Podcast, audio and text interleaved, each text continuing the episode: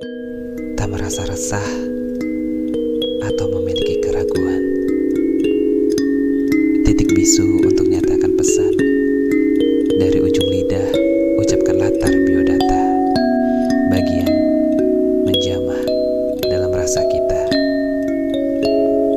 Duduklah bersamaku. Meletakkan bahtera pertama di sisiku. Untuk menjadi pondasi kokoh, harus memiliki ikatan melebihi tokoh-tokoh. Cerita seseorang pujangga melamarmu kini menjadi nyata di hidupmu. Melingkarkan cincin